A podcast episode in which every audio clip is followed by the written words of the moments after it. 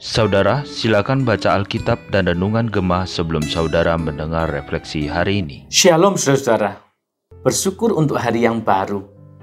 Mari kita sambut berkat Tuhan dalam doa.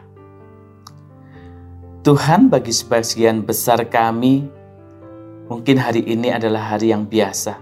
Tidak ada rencana atau kegiatan istimewa. Tetapi kami percaya di dalam Kristus hari ini pun adalah ciptaan baru. Lembaran baru untuk kami jalani bersamamu. Dengan rahmatmu yang selalu baru itu. Tuhan kami rindu mengawali perjalanan kami hari ini dengan berkat firman-Mu. Di dalam nama Tuhan Yesus kami menyambutnya. Amin. Saya bacakan dari kitab Nehemia pasal 3 ayat yang pertama, 12, dan 16. Demikian firman Tuhan. Maka bersiaplah imam besar Eliasib dan para imam saudara-saudaranya, lalu membangun kembali pintu gerbang domba. Mereka mentahbiskannya dan memasang pintu-pintunya. Mereka mentahbiskannya sampai menara Mea, menara Hananiel. Berdekatan dengan mereka, Salum bin Halohes, penguasa setengah wilayah Yerusalem yang lain, mengadakan perbaikan bersama-sama anak-anak perempuannya. Di sampingnya, Nehemia bin Asbuk, penguasa setengah wilayah Betsur, mengadakan perbaikan sampai di depan perkuburan Daud dan sampai pada kolam buatan dan rumah para pahlawan. Sampai di sini firman Tuhan dibacakan. Saudara-saudara, kitab Nehemia pasal 3 ini mencatat dimulainya pekerjaan besar merenovasi kota Yerusalem. Pintu gerbang, tembok, menara, dan lain-lain dibangun kembali. Umat Allah bersatu, saudara-saudara. Baik laki-laki, perempuan, para imam, orang awam, baik penguasa, rakyat biasa. Tadi kita baca ada imam besar, ada juga Nehemia yang adalah pejabat tinggi kerajaan Persia ikut bekerja bersama mereka. Tidak heran umat menjadi semakin bersemangat karena mereka melihat kerendahan hati para pemimpinnya. Dan mereka ini bekerja sesuai talentanya, saudara, sesuai fungsinya. Ya. Para imam mentahbiskan pintu-pintu gerbang, tukang emas, juru campur rempah, melakukan bagiannya masing-masing. Para tukang bekerja sesuai skill mereka. Yang bukan tukang, tugasnya adalah merobohkan dan menyingkirkan puing-puing tembok yang lama. Intinya saudara, semua orang terlibat. Bekerja bersama untuk kepentingan bersama. Yaitu membangun kota mereka. Nah saudara-saudara, membaca, merenungkan Nehemia pasal 3 ini, saya iri saudara, secara positif ya.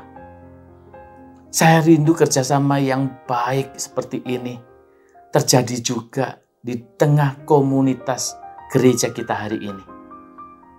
Karena di banyak gereja, mayoritas jemaat itu hanya puas datang beribadah dan memberikan persembahan uang saja tidak terlibat pelayanan apa pun. Itu sebabnya akan indah sekali jika setiap jemaat itu mau terlibat melayani sesuai talenta mereka. Turut mendukung, membangun gereja Tuhan, dan juga turut mensukseskan misinya Tuhan melalui gereja. Bukankah untuk itu Tuhan memberi kita talenta-talenta atau skill tertentu? Benar saudara. Ya, ingat ajaran Rasul Paulus di dalam 1 Korintus 12 ini ya. Sekarang saudara-saudara, tentang karunia-karunia roh. Aku mau, saudara-saudara, supaya kamu mengetahui kebenarannya. Ada rupa-rupa karunia tetapi satu roh. Ada rupa-rupa pelayanan tetapi satu Tuhan. Tetapi kepada tiap-tiap orang dikaruniakan penyataan roh untuk kepentingan bersama.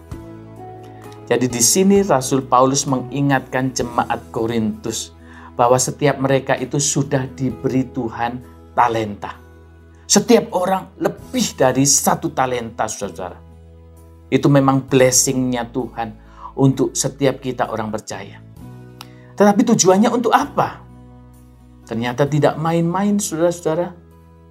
Frase terakhir di ayat 7 tadi dengan jelas menunjukkan bahwa tujuannya adalah untuk kepentingan bersama. Artinya untuk kepentingan tubuh Kristus, untuk kepentingan gereja, saudara.